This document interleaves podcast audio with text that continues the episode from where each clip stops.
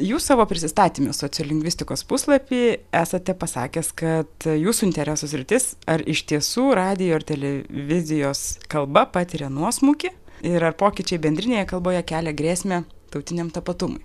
Pati šita tema kodėl jinai jums yra įdomi žurnalistų kalbos. Pirma priežastis galbūt įvardinčiau kad esu televizijos e, žiūrovas ir radijo klausytojas e, nuo e, savo pačios ankstyviausios vaikystės ir daug prisimenu ir televizijos ir radijo ir visų tų skirtingų etapų apie kuriuos aš kalbu. Viskas viskas galbūt nekreipiau dėmesio būtent į kalbą bet bet pati raida yra yra man labai įdomi ir labai rūpi. Ir ir ir ir pasiskaičius teoriją sužinoti kaip kas gi iš tikrųjų įvyko kodėl kodėl įvyko tie pokyčiai kodėl viskas taip pasikeitė. E, tai tai va viena pusė kad kad na šita aišku, galbūt e, šiandieninis e, jaunimas jiems ta televizija, radijas neužima tokios vietos, kaip, tarkim, užėmė man mano vaikystėje, jaunystėje ir, ir vėliau. Kita vertus, na, atradimas, galbūt ir pas, susipažinom su, ar pakeliavus, ar pasižiūrėjus televizijų, ar pasiklausus radio kitose šalyse ir, ir atkreipus dėmesį, kad kažkas pas mus yra kitaip, kad ne viskas ta raida, ne visais atžvilgiais pas mus yra įvykusi taip, kaip yra įvykusi, įvykusi kitose šalyse.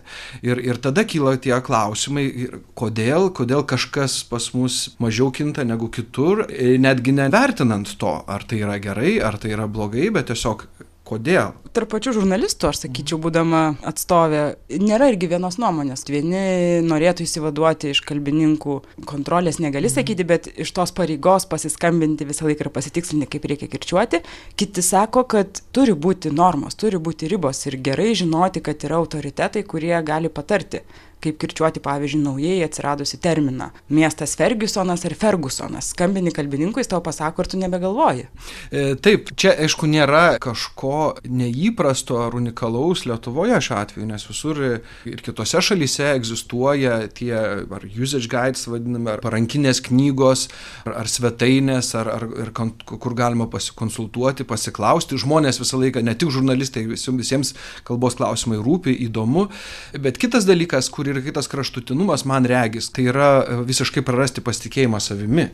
Ypač e, kaip žurnalistui, kaip žmogui, kalba yra tavo įrankis, tu, tu su jie dirbi, tu, tu pradėsi pernelyg dažnai abejoti ir galbūt tai gali atsiliepti tavo kūrybingumui, kūrybiškumui, atsiskleisti tai kalbai, kalbos žaismingumo galimybėms. Viena iš jūsų sričių - tyrimas ir disertacijoje apžvelgėte ir savo straipsniuose, na, kaip keitėsi kalbos priežiūra. Mm. Pirmiausia, radijoje, nes jis pirmiausia atsirado ir paskui televizijoje.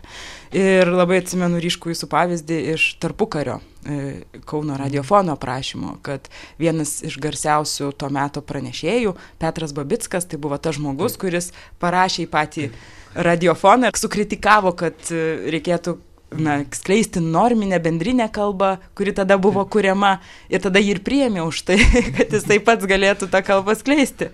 Tai vadinasi, tais laikais tai buvo iš tiesų lūkestis, kad reikia tos bendrinės mm. kalbos ir būtent radiofonas galėtų būti etalonu. Mm. Sovietmetis, e, kokia tada pagrindinė buvo? Vėlgi mes atsimename visi tos diktorius, kurie kalba ypatingai taisyklingai. Kokia čia buvo misija?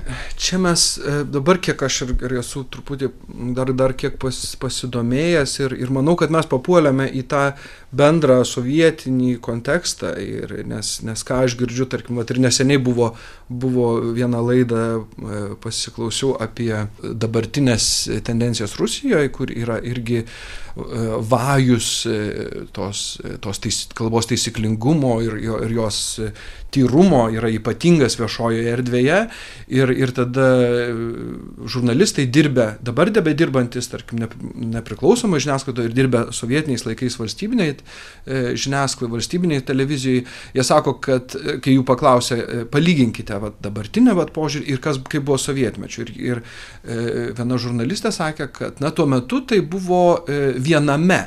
Tie, kurie e, dirbdavo cenzūros darbą, tuo pačiu atlikdavo ir kalbos klaidų taisymo darbą. E, spėju, kad čia e, iš tikrųjų modeliai, kas buvo Maskvoje, būdavo kartojami ir, ir tose sovietinėse respublikose ir spėju, kad tai buvo, tai buvo įgyvendinama ir, ir pas mus, žinoma, reiktų, reiktų paieškoti dokumentų archyvose, galbūt, galbūt, galbūt rastumėm, galbūt nerastumėm. O dabar? Rusijoje pradėjot pasakot? Nesu daug apie tai, tokiom galbūt atsitiktiniai paskaitimai pasi, per, ar per, per bet čia buvo konkrečiai, man atrodo, Došt, to nepriklausomai televizijoje buvo pokalbis apie gramą nacijai.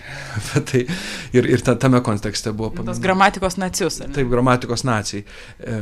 Ir, ir tai tame kontekste tai nuskambėjo. Bet kartu buvo irgi, va, aš, mane, man, man, mane šiek tiek irgi įkvėpė, nes aš girdžiu to panašius dalykus, kurio, apie, kaip, apie ką aš ir pats manau, kad vis dėlto anos visuomenės laikai ir, ir kas dabar, ko dabar, tarkim, lai, laisviau, demokratiškiau mąstantys žmonės tą jaučia Rusijoje, tai tas, e, ta pastanga suniven, sunu, suniveliuoti, su, pagal vieną modelį visus e, suburti ir tas buvo sovietiniais laikais. Tai yra mes esame sovietiniai piliečiai, mes e, atrodome panašiai, mes elgiamės panašiai, mes gyvename panašiai ir mes kalbame panašiai. Ir ne tik viešumoje, bet ir namuose.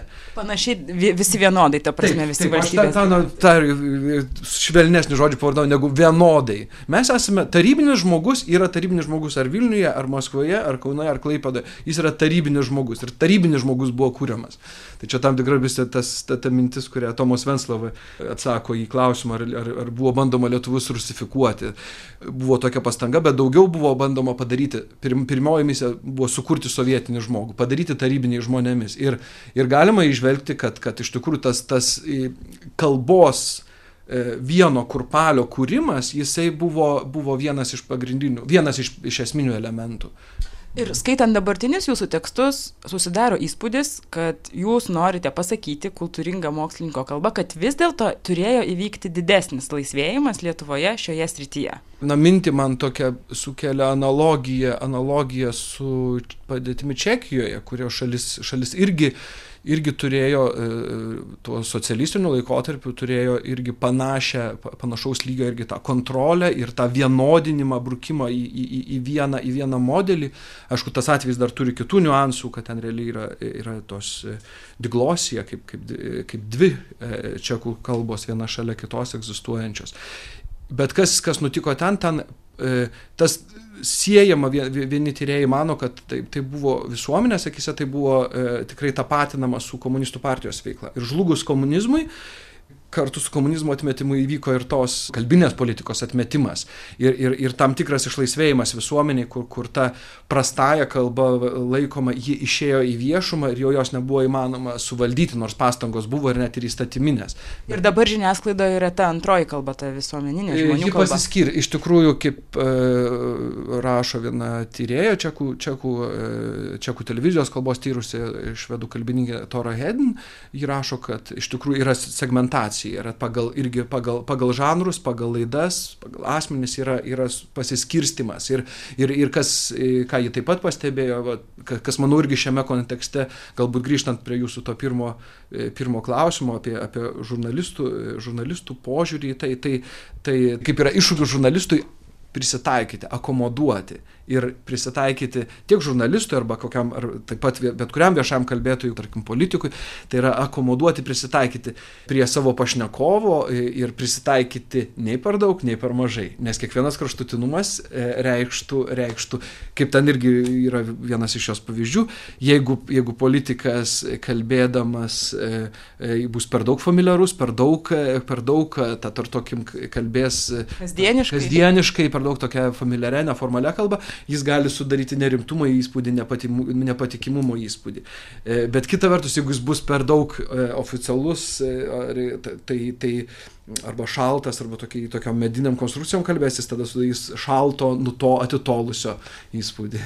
Ir savo disertacijoje viena iš jos išvadų yra ta, kad populiarūs televizijų laidų vedėjai, kad jie iš principo na, negreuna Mm. kalbos sistema ne jos negerbė, bet jie tiesiog puikiai moka prisitaikyti ir jausti, kokią auditoriją išneka. Kita vertus, net per tą patį, tarkime, LRT radiją, be ne kiekvieną pirmadienį yra kalbos inspekcijos informacija, kai vertinama kulinarinių laidų, mm. dar kokiu nors laidų ir išvardinamos klaidos ir na, pamoralizuojama, kad turėtumėt mm. atidžiau. Tai šiuo atveju, kaip jūsų manimų kalbos tada inspekcijos, čia galima įvairiai klausti. Pirmas klausimas yra galbūt, kaip jie tada atrodo lyginant Lietuvą su kitomis šalimis? Na, žinot, vėlgi tai yra atsakomybė, bet aš gal, gal, galiu kartu ir pasakyti kaip, kaip, kaip laisvas pilietis, kad e, mano akise tai yra anachronizmas. Netitinka laikų. Taip, taip, nes vis dėlto ir ką, ką aš savo tirdamas disertacijoje, tarkim, pramoginės žiniasklaidos ryškiausias asmenybės, tai, tai aš galiu pasakyti, kad jie ne tik, kad, kad kelia grėsmę, bet jie yra kalbos kuriejai. Dabar, na, tarkim, matau, kad tie, tie prašymai, ką aš padariau disertacijoje, aš manau, kad tai yra ir tam tikras istorinis užfiksavimas to laikmečio, to, tų, tų, tų žmonių, e, dirb, dirb, dirbusių tuo laikotarpiu, ryškiausių televizijos žvaigždžių ir kaip dokumentas jų kalbos.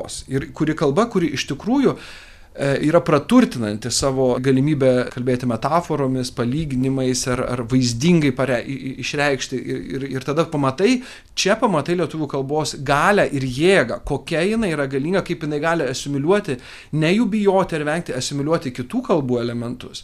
Tam reikia, reikia iš tikrųjų stiprios kalbinės asmenybės, kuri galėtų iš tikrųjų tais visais kalbiniais turimais ištekliais uh, pasinaudoti ir, ir kurti nuostab, nu, nuostabią kalbą mano, mano, mano ausise. Bet joje būna ir keiksmažodžių. Tai vėlgi, kaip, kaip ir pasižiūrėsime, jeigu kieksmažodis nuskamba e, tai naktinių pokalbių laidoje e, po 11 valandos, kodėlgi ne, kad juk yra alkoholio reklama yra po 11 valandos. Tai, tai bet to kieksmažodis irgi, koks kieksmažodis kieksmažodžiui nelygų, jeigu ten tas, tas, tas interpelis ir, ir nuskamba, juk, juk irgi, ką, kokią jis funkciją neša, kokią, juk da, labai dažnai tai bus labai stipria ironijos e, įkrova toksai žodelis nuskambėti eteryje. Dar dėl inspekcijos tik pasakysiu tiek, kai mes su kolegom dalyvavome tarptautinėse konferencijose ir, ir apie tai kalbam papasakojim apie mūsų padėtį Lietuvos atvejį. Iš tikrųjų tai, tai sutinkama su didžiulio nuostaba. Ir netgi konferencijoje, kurio, kurios e, pagrindinė tyriejų objektas yra būtent preskriptyvizmas, ta preskriptyvinė kalbos politika, jos, jos apraiškos. Tai yra preskriptyvinė. Tai receptų toks dalinimas, ar ne kaip kalbėti? Taip, taip, taip, būtent tas nu, nu, nurodomoji, nurodomoji ar pagalbinė visa, visa veikla. Ar galiu pasitikslinti, kad Europoje niekur nėra, e, vadinasi, tokių kalbininkų, etatų? Aš e, dabar negalėčiau to pasakyti taip tiksliai, e, kaip nes nesu konkrečiai to, to tyręs, bet, bet tai yra skirtumas. Vienas, vienas, man atrodo, esminis skirtumas čia kalbant apie tai, aš manau, kad tikrai kaip žmogus išmantis kalbą ar lingvistas, jisai, jis gali būti kaip konsultantas, tikrai, tikrai manau, kad tokie jie dirba ir veikia įvairiose žiniasklaidos priemonėse. Bet kitas momentas yra galios klausimas. Ir ar tu turi galę, ar, tavo, ar tu esi ta paskutinė aukščiausia instancija, kuri gali tau nurėžti dalį tavo atlyginimo priedo, e, verdiktas e, ar panašiai ir panašiai. Ir čia aš manau mes esame unikalūs. Kartais netgi studijuojant žurnalistikos institute, bent jau tai buvo prieš dešimt metų, mm. bet žmonės dėsto tie patys, išgirsti būdavo tą tokį vis dėlto nostalgiją ir priekaištą dabartinėje sistemoje, kad priimant į radiją ar televiziją nebėra komisijos, kurioje būtų ir kalbininkų, ir kurie pasakytų, ar tas žmogus gali eiti ar negali, ir tada pasakoma, kad šiais laikais pusės žmonių nedirbtų, nes jie netarė kažko ir negal, negalėtų ten būti. Dalis žmonių tai sako su mintim, kad tada žiniasklaida būtų geresnė. Jūsų manimu, Aš galbūt vieną paradoksą pasakysiu, ką mūsų, mūsų nesenas e, tyrimas su kolegom parodė. Mes esam e, e, parengę sakytinę žiniasklaidos tekstyną, nuo radio ir televizijos kalbos tekstyną nuo 60 metų iki 2010 metų. Ir mes bandėm pasižiūrėti, nes, nes dažnai nuskamba viešumoje ta mintis, kad vat, geresnė, kaip jūs pasakėt. Tai suprast tada, kai ten sėdėjo kalbininkas ir lėmė, kad šitas žmogus jo padargai tinka būti diktorium, uh, E, jo kalbos padargai. Tai, tai a, tada jinai turėjo būti geresnė, ir, bet, bet e, viena mano kolegė tyrė e, tiek kirčiavimo dalykus, tiek, tiek tarties dalykus, nevelnio. Nebuvo taip. Dabar aš, aš bandžiau atlikti su tyrimą su, su tos neformaliu, nenorminės leksikos vartojimu nieko panašaus. Tada tam tikrais atvejais irgi dažniau tie žodžiai e, neigiamai, neigiamai vertinami nuskambėdavo eteryje, negu šiandien skaičiuojant, skaičiuojant e, vidurkį. Čia yra tam tikras mitas, stereotipas, patenkantis į tą kontekstą, kaip iš tikrųjų iki, devin... net kai kurie, kai kurie kalbininkai yra pasakę, kad iki tie nelemtieji 1990-ieji, juk nuo jų prasidėjo viskas. Iki tol Viena vertus, čia, čia, čia citata, kalbininko autoritetas buvo nesumeluotas. Visuomenė besąlygiškai pasitikėjo kalbininko autoritetu. O kas dabar? Nors vėlgi čia yra iš šių dienų perspektyvos kalbama apie vienos laikus. Jeigu mes paskaitytume, manau, anų laikų spaudą, tas pats virkšlenimas, tas, tas na, kažkoks ilgesi, ilgesys e, tos, tos, tos galios, nors e, realiai šiandien jinai yra, nes yra institualizuota. Ir netgi radio stočių eterė gali nuskambėti, pavartoja žodį žmogus ir atsiprašo, atsiprašau kalbininkų, bet aš pasakysiu, kad čia koks nors blūdas. Mm. Milžino paunksmė yra tokia. Didžiojo brolio tam toksai e, fenomenas pasireiškintis. Nors, ja, kai pagalvoju, iš tikrųjų e, nėra ką lyginti. Vienas dalykas, kai kad tada 90 kai atsirado radio stotis M1 su jaunais, jaunais vedančiaisiais, be jokios atrankos, be jokio paruošimo kalbančiais, kalbančiais į eterį, tas live, neformalus kalbėjimas, e, bendravimas su klausytojais telefonu, yra visiškai kita, kitas, kitas, kitas dalykas, visai kita, kita komunikacija. Ir šiandien tas puikiausiai egzistuoja, tik tai, kad jeigu tada buvo viena nepriklausoma sto, radio stotis, tai Kas galėtų suskaičiuoti, kiek šiandien per visą Lietuvą yra nepriklausomų radio stočių.